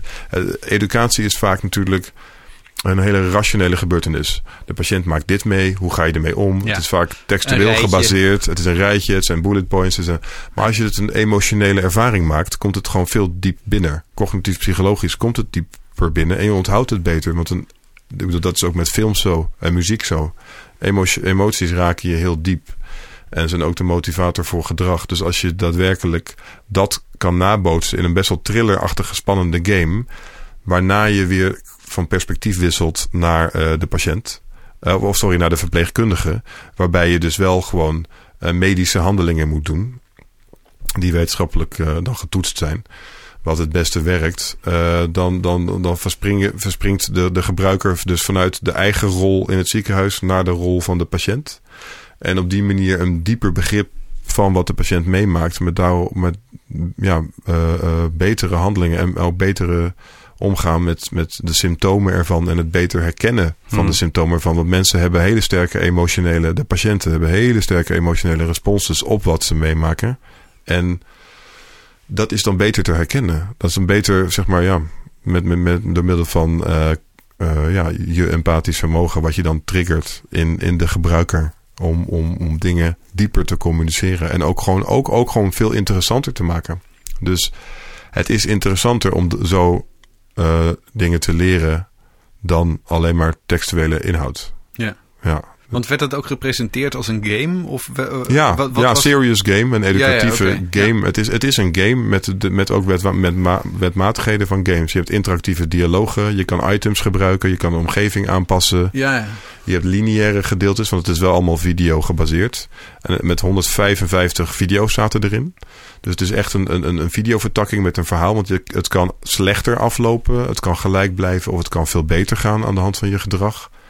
En elke actie die je doet, heeft weer eh, consequenties voor de patiënt. Ja. Dus, dus je, bijvoorbeeld moet je de klok goed zetten. Mensen, je moet opschrijven welke datum het is.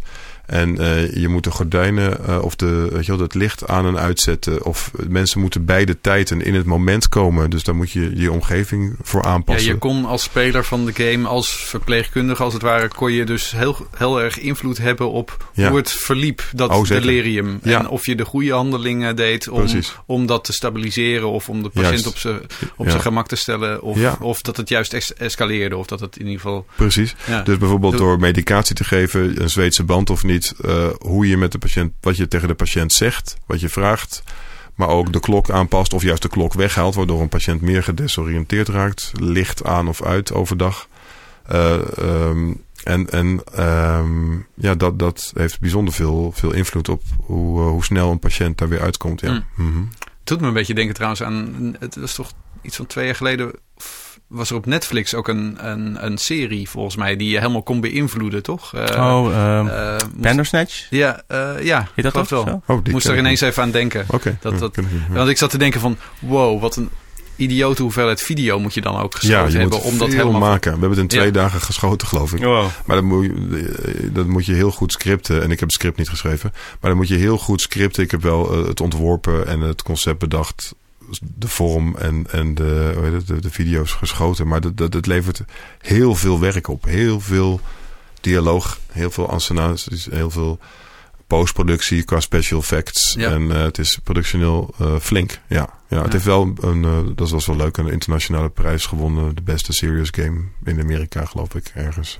ja. Dus dat was wel, dat was wel leuk. En het ligt gewoon heel erg in het verlengde van wat ik als kind heb gespeeld. Omdat eh, alle ervaring die je hebt opgedaan met games en hoe dat werkt. En hoe je verhalen vertelt en hoe interactieve video werkt. Dus alle experimenten die eraan vooraf gingen. eh, eh, en die ik gespeeld heb, komt daar dan samen. Dus ik zie heel duidelijk mijn eigen, mijn eigen ja, interesses Mhm. terug in wat dat is geworden. Dat is, weet je wel, dat heeft me gevormd natuurlijk. En dat werkt dus wel goed in een soort educatieve context. Terwijl nu, nu eh, normale entertainment games zie je bijna geen interactieve video. Want je hebt gewoon te weinig interactie. Maar hier leent het zich juist goed omdat je als patiënt passief in bed ligt. En je kon wel rondkijken in een 180 graden view. Dus niet VR, maar wel een Hmm. beetje VR-achtig. Je kan zelf rond. Dat is de enige vrijheid die je hebt als patiënt. Je, je ligt in bed en je kijkt rond. En er Ja. gebeuren allerlei dingen. En de verpleegkundige komt langs. En s'nachts heb je die deliers. Die je juist passief ondergaat. Waardoor ze extra eng zijn. Want je ligt passief in bed. Je kunt verder niks. En je kan verder niks. Ja. Dus daar leent het zich uitstekend voor. En ehm, ja. Ja. Mhm. Ik, eh, ik moest even, toen jij net over Bandersnatch begon. Heb je Bandersnatch gekeken? Nee, ja, je, nee, je kijkt hem niet, hè?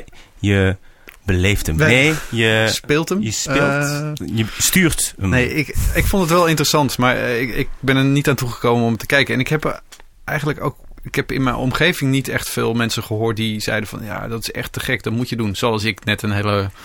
Heel ophemelend verhaal over Ted Lasso heb gehouden. Ja. Eh, Mm, maar dat mm. ha- had ik in de tijd niet zo gehoord. Dus Nee. ik, ik heb het laten hangen. Nou, wat, wat, voor, wat voor wel werkt, is dat, dat daar vorm en inhoud heel erg door elkaar heen lopen. Dat, dat, ze, ze spelen heel erg met ehm, het verhaal dat verteld wordt in het verhaal en wat daar buiten zit. Eh, dus die hele vorm van, we zijn nu het verhaal aan het beïnvloeden, daar gaat ook eh, het, eh, Ja, het is heel meta. Het is heel meta. Ja. Het is, eh, Oké. hmm. maar ook heel zwartgallig. Bandersnatch, oké. Bandersnatch. Ja, ja, Ja, ja. het is, ehm, ehm, ik werd zelf een beetje ze- zenuwachtig van... Oké, ik heb hem nu uitgespeeld. nu Ja. wil ik ook de andere eindes beleven. En heb ik ze nou allemaal beleefd? En dan moet je, Mhm. dat je dus inderdaad de randen van, van de mechanieken ziet van hoe is dit gemaakt. Want uiteindelijk zijn het gewoon, ehm, is het gewoon een lineair verhaal met vertakkingen. Ja, Eh, eigenlijk heel, heel simpel. eh, waar je steeds twee keuzes krijgt. ja. En afhankelijk van welke keuze je kiest, ga je een ander pad bewandelen. Mhm. Eh, en soms hebben keuzes helemaal geen invloed, soms hebben ze kleine invloed en soms hebben ze een grote invloed en komt dat op het einde kom je dat tegen. Dat komt dat terug. Maar het is wel echt video, dus het is een... Het is wel echt video, dus je kijkt het echt via Netflix. Mhm. Eh, en, en dan eh, af en toe pauzeert het het beeld en dan krijg je twee keuzes. Wat, wat doe je? Ah ja, En- en- oh, ik heb er wel over gelezen. Ja, nou ja, het is wel echt wel interessant om, om, om, eens te kijken. Zeker, ja. Maar, ja. maar het, is, het is ook echt heel zwartgallig. Eh, ja, ja, ja. Dus ik, en ik moest ook ik gelijk even aan Black Mirror denken. Dus ik, ik, ik ga even de Black Mirror kaart trekken. ja, ja. Nee, en dat is, dat is namelijk over ARVR. En, ehm, ehm, je vertelde net een heel mooi verhaal over, over eh, eigenlijk ehm, het ervaren van iets waardoor je meer empathie krijgt. En meer in een educatieve setting. ja.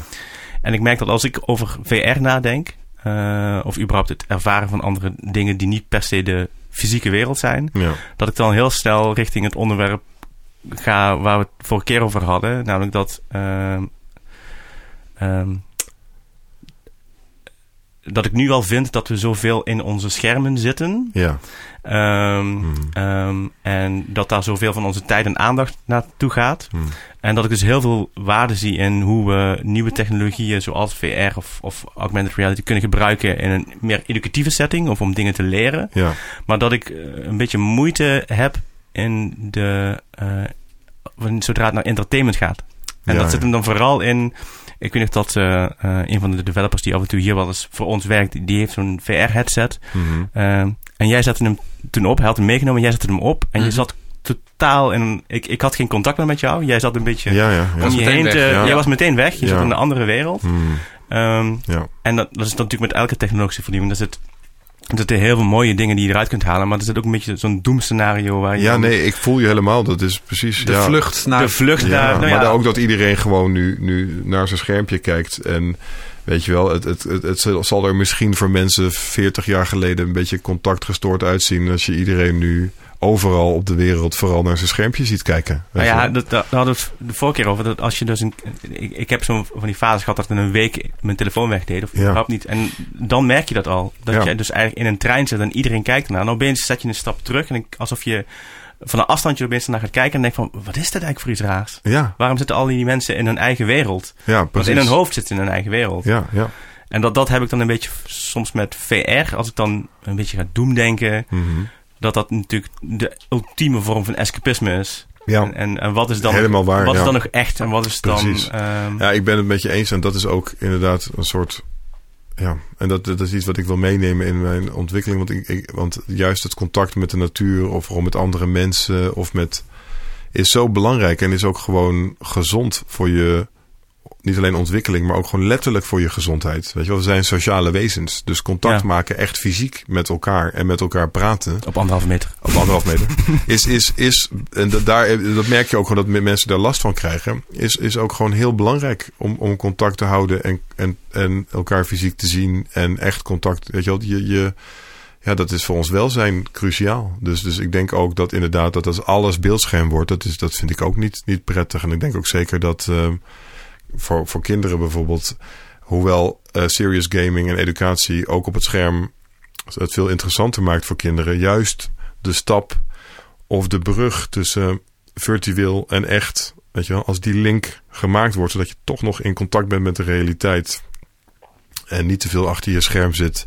En ook gewoon fysiek speelt. Ik ben juist wel heel blij dat ik als kind fysiek heb gespeeld. Ja. Met Lego en met tekenen. En, en, en ook buiten gevoetbald heb met, met, met kinderen. Weet je wel. Dat, dat blijft toch heel belangrijk. Ja, Dus, dus eh, ja, Ja. zeker. Ja, helemaal met je eens. ik zie die tweestrijd heel erg in... eh, nou, ik heb zelf drie kinderen en mijn, mijn oudste is echt een gamer. Hmm. Zijn favoriete liedje is nou, voor mij is het van kinderen, voor kinderen, dat is Ik ben een gamer. Oh ja? Ik ben een gamer, gamer. Hij kent de tekst helemaal van voor het einde. Hij zat, hij Link, zat, in de, link in de show notes. eh, ja, hij, Ja. hij zat hem laatst te luisteren op, op repeat op mijn Spotify. Dus mijn hele Spotify is nou voor, als ik, als ik nou mijn jaar een review krijg, dan Ja. staat op één Ik ben een gamer. Ja, precies. Ehm, nee, maar we proberen dat dus wel echt een beetje eh, in te kaderen. Dus hij, mag, hij mag op woensdag en in het weekend mag hij een uurtje op de Switch. Ja. En ta- tablet mag ik sowieso al bijna nooit. Maar, eh, en hij houdt heel erg van Oké, buiten dat, doe je, dat doe je best wel. oké. Jawel, en maar, maar, Gedisciplineerd, ja. maar ik, herken, Mhm. ik herken wel bij hem eh, die, die drive. Hij vindt het medium zo fascinerend. En ik snap het, want ik had het vroeger ook. Weet je wel, ik, ik ging ook Mhm. naar vriendjes en die hadden een Nintendo. En eh, ja, mam, ik wil een Nintendo. Ja, dat kon Ja. dan allemaal niet. Dus dat, dat, dat, dat trok me ontzettend aan. En dat, ik zie dat bij hem. Mhm. Maar we proberen het wel een beetje in te kaderen. Mhm. En hij houdt gelukkig heel erg van buitenspelen. En dus hij, vindt, hij heeft allemaal dingen die hij leuk vindt. Maar op het moment dat wij het niet inkaderen, zou hij de hele dag op Ja, dat ding zitten. maar ik denk dat het goed is. Lijkt mij hoor. Dat, dat- dat, dat je dat zo balanceert. Ja, Ja. Maar, maar dan nog, dan hoor je hem dus dingen zeggen van... Mag ik op de Switch? Nee, je hebt gisteren al op de Switch gedaan. Mag ik dan op de iPad? Nee, je mag nooit op de iPad. Hoe kom je dan bij? Mag ik dan... Ja, maar ik wil iets met een scherm. Ja, ja, precies. hij wat eerst Ja, voor je ja, uitspraak. ja. Ik wil iets met een scherm. Toen dacht ik oh nee. Ja, ja, ja, ja, ja, ja. Ja, En dat is ook gewoon grappig dat bijvoorbeeld Steve Jobs, die was daar juist, die, geen van zijn kinderen, weet je wel, dat, Ja, dat- die, die, de bedenker dat, ervan, dat zegt nu wel die liet zijn kinderen helemaal niet toe, op, weet je wel, dat soort dingen. Dus Ja. dat is echt wel heel apart. dat, dat ehm, Nou, dat Ja. is een beetje hetzelfde als eh, eh, dat, dat inderdaad eh, developers of, of security experts juist helemaal geen smart home devices hebben, omdat ze weten hoe crappy dat in elkaar kunt. Ja, dat ze ja. gewoon zo goed op de hoogte zijn. ik van- maak die dingen, het Dus- werkt niet. Weet je hoe slecht het is, joh? Ja, ja. nou, Maar, maar dan, dan is VR natuurlijk... of, Dat, inderdaad, om nog even terug te komen op dat een bril opzetten... en dan echt Ja. helemaal weg zijn. Dat is wel de ultieme vorm van je helemaal afsluiten... en in een andere wereld treden. Ja. En wij hebben ook wel eens... eh, eh, eh, eh, hebben we met, met een groepje in die VR-arcade in Amsterdam Ja. eh, dat spel gespeeld. eh, met een rugtas, met een dikke laptop en dan een soort... eh, en dan zombies knallen, zeg maar. Ja, ja, oh ja, Echt, ja, eh, ja. Een hele toffe ervaring om dat ja. een keer wie, is dan En- de zombie, weet je wel? Misschien wel degene met een VR-set. Ja, ja, Oh, oh. ja, dat, Wat is de les die je hieruit kunt leren? nee, maar dat was nog wel... Weet je, dan ben je met bekenden en vrienden. eh, Mhm. Weet je, dan, dan, dan is het nog een persoonlijke ervaring. Want je Ja. Ja, Maar als de functie is om eh, de bestaande werkelijkheid te ontvluchten en eh, een heel nieuw personage te zijn in een andere wereld. Ja, eh, want dat is dan een beetje het soort van dystopische, tuurlijk. eh, ja. weet je wel. eh, heel mm, leuk natuurlijk. Waarschijnlijk is het wel leuk, toch? Ik bedoel, het is heel leuk om te doen. Eh, Het is echt leuk, In die ja. spelvorm, eh, zoals eh, in die VR arcade, was dat. e- Ja, ik vond het te gek. Ik vond het heel gaaf om een keer te doen. Ja, Ja. ja. Het is niet zo dat je dat, eh, dat ik, maar dat zegt misschien iets over mij hoor, dat ik dan meteen eh, de volgende dag ook wil doen. Hmm. Maar ik vond het wel heel gaaf om te ervaren. En Ja. om ook te zien waar dan een beetje de beperkingen zitten nog in de huidige Ja. technologie. En Precies. maar ik snap wel dat dat wel heel aantrekkelijk is. Maar je doet het ook wel Eh, samen. Dus je bent wel toch in dat teamverband. was mijn punt. Ja, Ja, ja. Je, je, je staat dan met mensen die je kent, sta je dat gezamenlijk te ervaren. En, en Ja. andere eh, mensen die kijken ernaar door het glas van de, waarin ze de ruimte kunnen zien. ik, Waar, heb, ik heb de filmpjes nog. ja, waar, waar, waar, waar, je- waar je rondloopt. En Ja. dat ziet er natuurlijk belachelijk uit. Ja. Eh, maar eh, in die zin heeft het wel een menselijke kant. Maar, Ja. Maar ja, maar wat is het verschil dan eigenlijk? Hè? Want het, het, het, het, het feit dat je er samen daar aanwezig bent, dat betekent alleen maar iets voor de mensen die daadwerkelijk inderdaad in het restaurant aan het kijken zijn en eh, de anderen daar rond ziet lopen. Maar het feit dat je, dat, dat je allemaal in dezelfde ruimte bent, Mhm. Ehm, wat is het verschil met wanneer je dat gewoon thuis zou doen met diezelfde mensen, maar diezelfde mensen zitten ook allemaal thuis? Wat, wat, wat, wat, wat voegt het fysieke aspect er nog toe?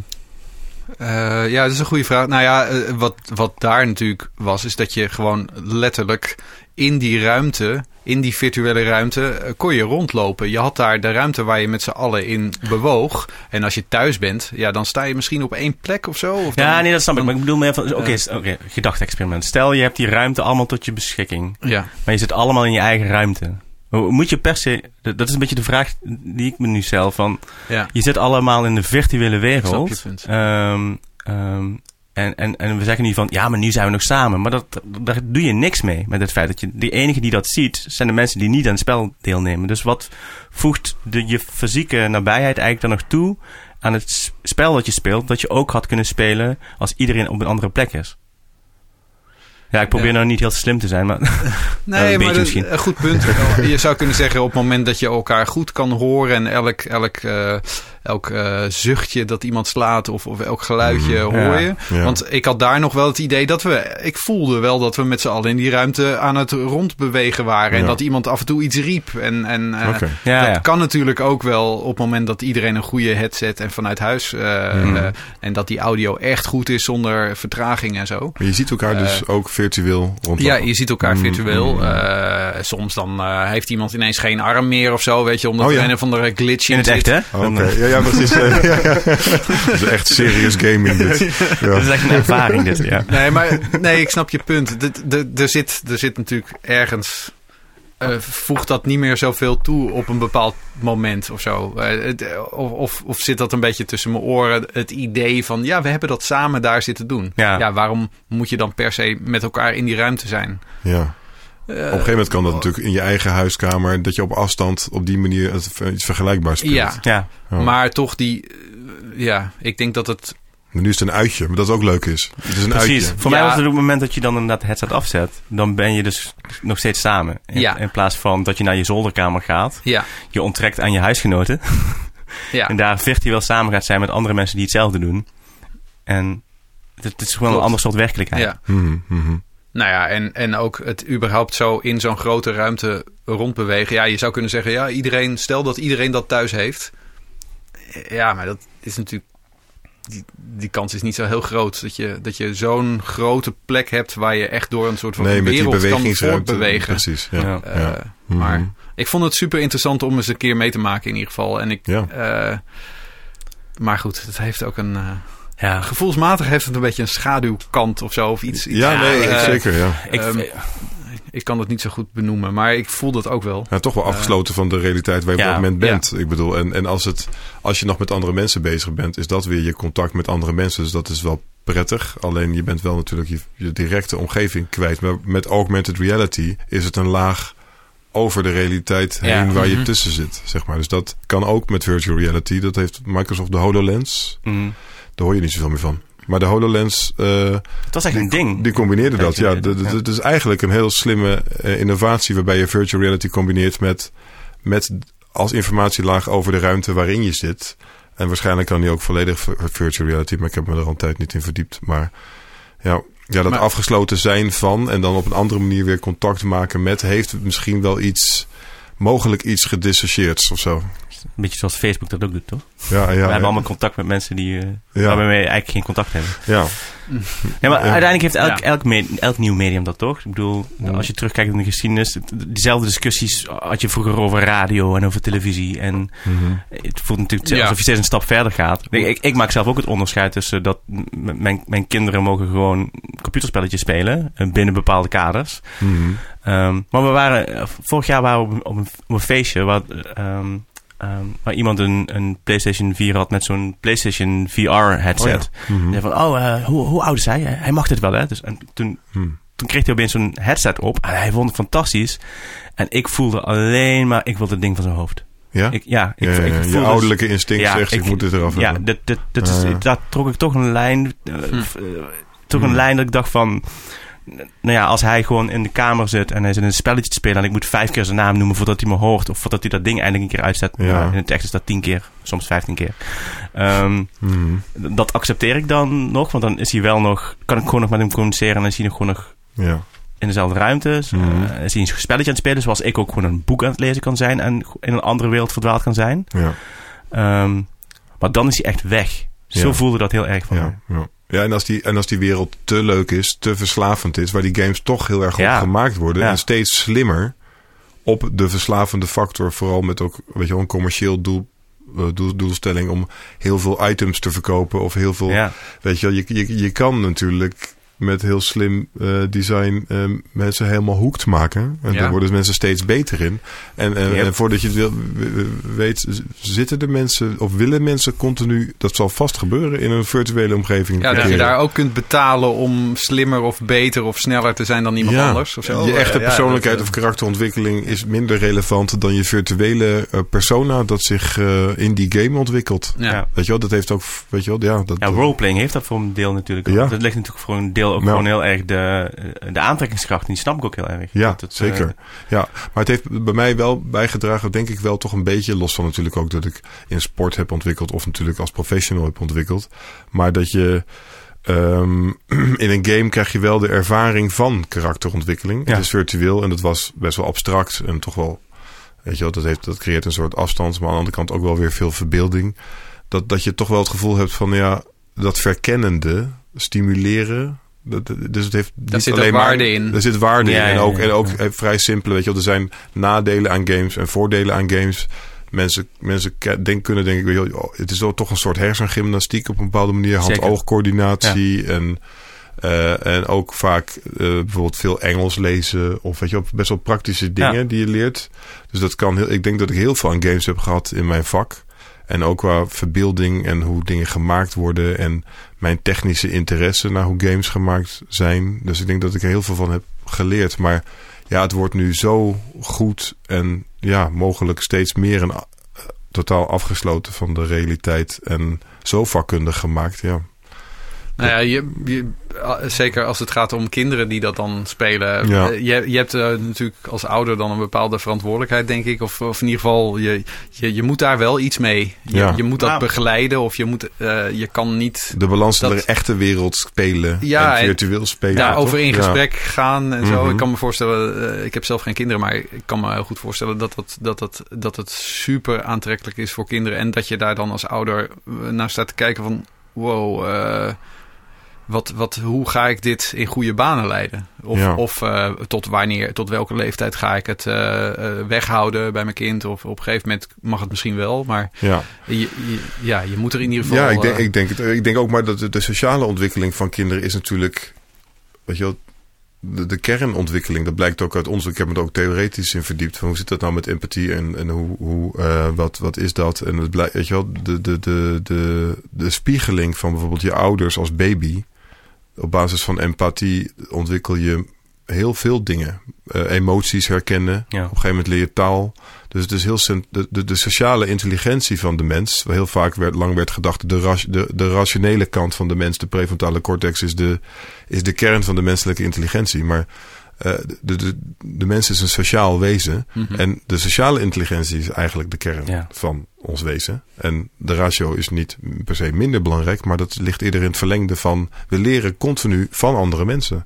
Of je het nou direct doet of indirect doet. Alle onze boeken zijn geschreven door andere mensen. Alle, alle media, uiteindelijk zit er toch een mens achter, alleen misschien steeds verder weg. Maar ehm, Ja. sociale intelligentie is toch wat ons, wat, wat ons eh, letterlijk bindt. En dat, ja, ik denk dat dat. ehm, ja, dat, dat, dat, dat, je, al- in je, dat het heel belangrijk is, juist in de ontwikkeling van een kind. Ik was bijvoorbeeld heel introvert altijd en ik gamede ook veel. Maar ik was sociaal een best wel een laadbloeier. Ik was Mm. ook wel een redelijk prototypische nerd, denk ik. Maar toen, maar toen, ik, maar toen, ik, ging, eh, toen ik ging sporten, kwam ik gewoon met heel verschillende soorten mensen eh, eh, eh, in contact. in contact. Ja. En door mijn motorisch te ontwikkelen en door eh, doelen te behalen, door, door letterlijk beter te worden, door te trainen. Ik zie dus nu wel een parallel van je ontwikkelen in een game en je ontwikkelen in de echte wereld. Want weet je wel, het, is, het een is het symbolische van het andere. Ja. Dus dat door, door mijn fysiek te ontwikkelen en ook sociaal beter te ontwikkelen ehm, eh, binnen een sport. En eh, ja, dat heeft enorm bijgedragen aan het feit dat ik meer extrovert ben geworden. Ja. En dat ik motorisch beter ben geworden, maar ook dat ik mijn waarneming beter is geworden. Dus, dus ik denk dat dat, eh, dat een allround ontwikkeling. Dus, dus niet te specialist. Ik denk dat je juist als kind, maar ook in mijn geval, ja, dat is voor iedereen misschien anders, maar dat, dat een allround ontwikkeling wel bijdraagt aan een, aan een aan meer algemene natuurlijk ontwikkeling, maar ook ja, sociale vaardigheden die toch ja, daar een Mhm. onderdeel van zijn. Eh, De interactie met andere mensen en niet alleen maar een beeldscherm. Top. Mooi. Jeetje, wat een, Nou. wat een, mooi, wat een mooie eind. eh. ik weet niet. Ja, ik... eh, zullen, Nou ja, we- we- ik vind het een soort hoopvol en... en ehm, Hoop, yes. je- we komen weer terug bij hoop. Nou ja, mooi. en, mooi. en, Ja, en ja. het sluit zo mooi aan bij dat jij inderdaad zo'n, waar we het over hadden, generalist zijn. Mm. En dus op, je op verschillende vlakken ontwikkelen en niet Ja. alleen het, eh, het digitale schermgedreven Ja. vlak, Ja. technologische vlak. Mm, Ik merk, merk het zelf ook dat, dat, dat het gewoon heel erg eh, verslavend kan werken. En ik moet mezelf ook soms gewoon pushen om weer naar buiten te gaan. En te, weet je wel? Has- Hashtag juist nu. Juist, juist niet. ja. hey, ehm, hoe lang hebben we nog op de, op de camera? Op de camera, dat zal ik eens even checken. Zonder dat ik hem te veel beweeg. het leeg is. Ik weet het niet. Kan ik Oh, nou word ik misselijk. Ja, precies. Anders krijgen we heel erg 3D op. De camera zegt dat hij nog... eh Wauw, drie minuten heeft. Nou, Nou, dat doen we goed eh, zeg. dit is de kosmos die ons probeert te vertellen dat we moeten afronden. Ja, Precies. Hey, dankjewel uh, Joriaan. ja, leuk. Ja, Graag gedaan. dankjewel. Ik vond het heel gezellig en, en leuk. Ja. Wil je nog iets kwijt? Wil je, waar, waar, kunnen, waar kunnen mensen meer over jou lezen, ervaren, zien? Oh, een website plug? Ja. Mijn website is directiondesign.nl. Dat is mijn portfolio, wat momenteel eigenlijk een vergaarbak is van al mijn werk en mijn interesses en mijn spielerij. Spielerij. Spielerij. Ja, dat was Ja. ook wel het, eh, het woord van deze week. Ja. Meer, meer spelen. toch? Mm.